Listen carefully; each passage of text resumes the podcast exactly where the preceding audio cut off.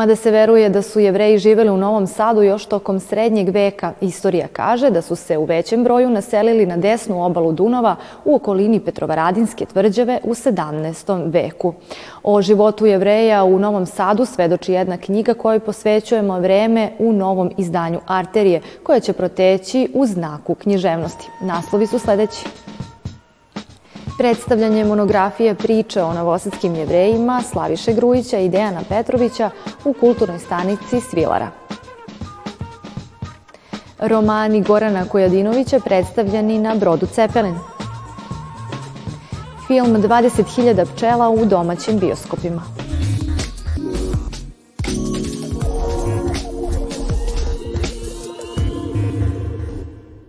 Pred čitalačkom publikom u izdanju Target kulta i akademske knjige pojavilo se ko-autorsko delo Slaviše Grujića i Dejana Petrovića, dokumentarno svedočanstvo o jevrejima u Novom Sadu od 17. veka do savremenog doba. Pisac tekstova Slaviša Grujić, gost je Arterije, dobrodošli u našu emisiju. Hvala na pozivu. Sa kojim ambicijama ste prišli pisanju knjige? Meni je dopalo jedan ceo štos knjiga koje je napisao znači hroničar jevrijskog života u Novom Sadu, Pavle Šosberger, koji je napisao knjigu o jevrejima u Novom Sadu, o životu o imenima, prezimenima, ulicama, događajima i tako dalje i običajima.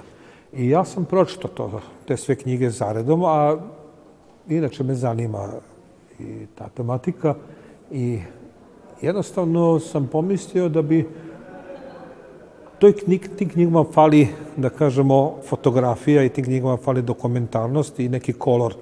I to je bila cela ideja da odjednom na jednom mestu skupim tu priču, da se to obradi, da se tome da jedna forma, jedna dužina i da zapravo kroz veliki broj fotografija, e, prvenstveno e, iz arhive, koliko, je, koliko zapravo ima jevrijskih, e, jevrijske arhive, a nema je puno, E, tome se doda i fotografije neke koje bismo, sam sad radio i sve zajedno od toga smo napravili jedno delo, jednu monografiju koja treba da da jednu e, foto, e, fotodokumentaciju e, toga što su jevreji ovde e, činili svih ovih 300 i kusur godina. Kakav je bio društveni, kulturni i religijski život jevrejske zajednice u Novom Sadu? Oni su prosto opstali zato što su čuvali svoju religiju i svoje običaje.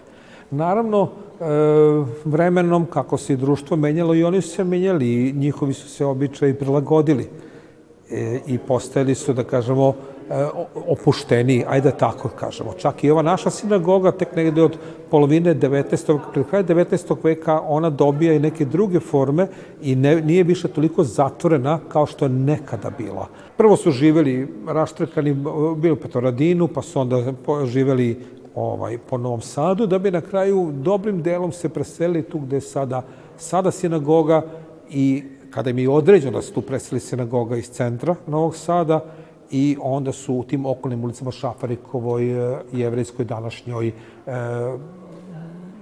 Petra Drapšina, Laze Kostića i tako dalje, tu su oni, e, tu su oni počeli da grade svoje kuće i polako da prave i svoje zanatske radnje i počeli su prave fabrike. Mnoge fabrike u Novom Sadu su jevrejske fabrike, mi to ni ne znamo. Od Kulpina do Albusa, pa ne znam čega sve ne. To su oni ljudi napravili. Znameniti, znameniti lekari, advokati, uspešni trgovci, pa i sportisti. Poseban deo knjige posvetili ste Novosadskoj raciji i stradanju jevreja u holokaustu. Koliko su te istorijske tragične epizode uticale na smanjenje broja pripadnika te zajednice u ovom gradu? Zajednički su ubijani, znate. Ali jevreja je bilo manje, a procentalno su nastradali puno. I onda na kraju je došlo do toga da su 43. na četvrtu godinu počeli da ih šalju po logorima. 69,7% jevreja novosadskih je nastradalo, skoro, znači 70% jevreja nastradalo u drugom svjetskom ratu. Od 30% njih koji je preživelo do 48. godine i još 50% tih se iselilo. Tako da, u stvari, novi, oni su ostavili za sebe jedno veliko, veliko eh, blago u smislu Novog Sada, šta su oni Novom Sadu doprinili kroz kroz građevine, kroz fabrike, kroz umetnost, kroz fantastične, fantastične ljude. I mi dan danas imamo mnogobrojne naše sugrađane koji su bili jevreji, koji su ostavili veliki, veliki pečat u Novom Sadu. Hvala na razgovoru. Molim.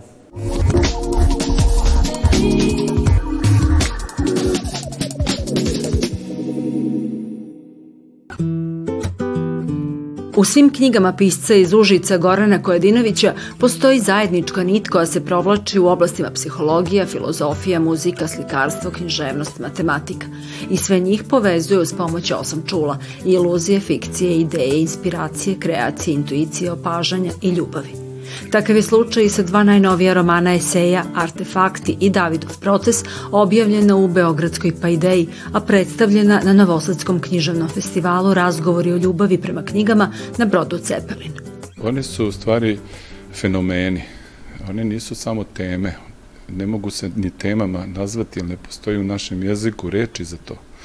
I onda se otkrivaju fenomeni koji su e, predmeta interesovanja moga. I ti fenomeni nisu ni ovi od poznatih fenomena. Fenomeni neki koji se dešavaju, a koji su istrebnuti iz konteksta, iz realizma, iz realnog sveta, koji se primećuju kao neki sporedni, paralelni pravci, ja volim da ih zovem side stream, Strastveni čitalac dela velike i one druge književnosti, nezadovoljan opštim i stalnim temama sa jedne i inspirisan autopoetičkim dijalogom sa samim sobom sa druge strane, Kojadinović se odlučio za stvaranje novog književnog sveta sa drugačijim zakonitostima i likovima koji su samo prenosioci poruka izvesnih pojava. Meni likovi u mojim knjigama samo trebaju kao medijatori fenomena Znači da se određeni ti, kako ja nazivam fenomeni, koje ja otkrivam, ovaj, kroz neki lik jednostavno čuju, pročuju, da, se, da, da izazovu nekakav dijalog sa nekim drugim, da, da jednostavno to obznane.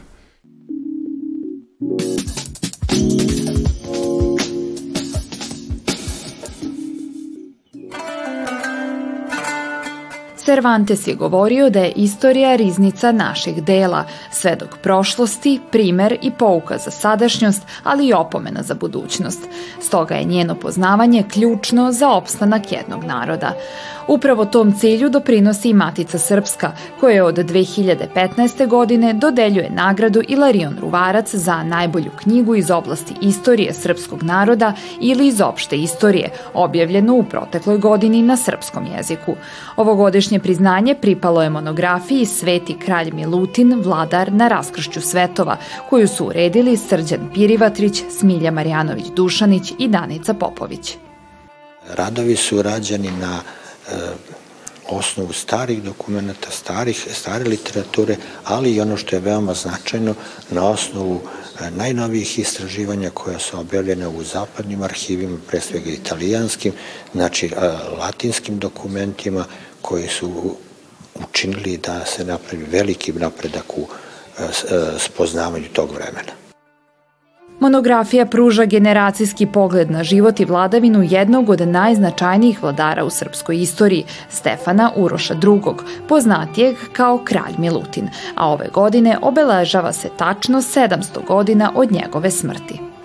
Urednici su okupili jedan tim od 16 autora koji je e, nastojao da sagleda delatnost kralja Milutina pre svega kao ličnosti koja je imala brojne izazove u svom vremenu, zatim da sagleda načine na koji je kralj Milutin funkcionisao kao vladar u sobstvenoj državi, da u onoj meri koliko je to moguće osvetle ličnu vladarevu pobožnost, a takođe i da se posebno osvrnu na njegov svetački kult koji je nastao neposredno posle njegove smrti i, razume se, traje do dana današnjeg. Multidisciplinarnom naučnom argumentacijom, sučelivši svoje stavove, autori su izgradili unikatno štivo koje omogućava potpunije razumevanje ličnosti kralja Milutina. Tekstove upotpunjuju 228 ilustracija i 9 mapa koji doprinose boljem razumevanju epohe zlatnog doba srpskog srednjeg veka.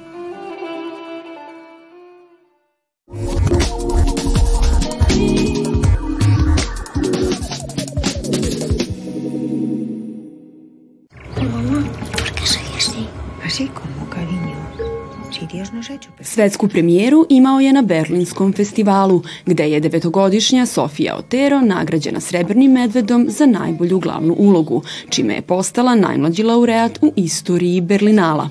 Domaću premijeru, ostvarenje 20.000 pčela autorke Estibali Suresole Solaguren, doživeo je na 19. slobodnoj zoni, a od danas se nalazi na redovnim repertoarima bioskopa u našoj zemlji.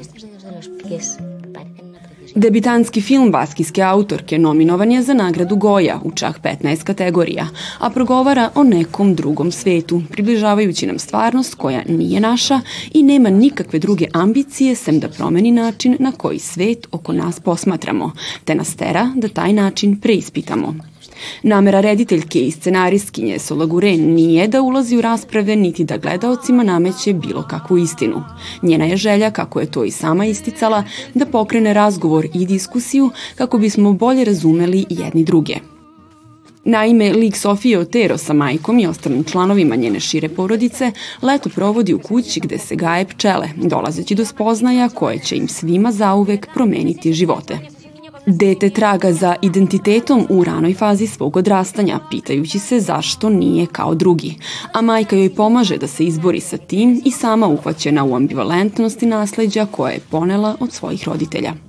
Film 20.000 vrsta pčela smeštan je u prelepe predele baskijskog sela i prirode, te pokazuje da kao što mnoštvo pčela doprinosi prirodnoj različitosti, ovo, većinom žensko okruženje okupljeno oko filma, pokazuje mnoštvo načina na koje je moguće da se bude žena.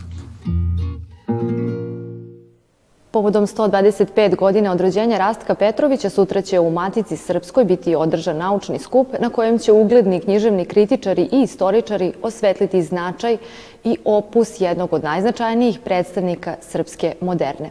O tome u narednoj arteriji. Prijetno!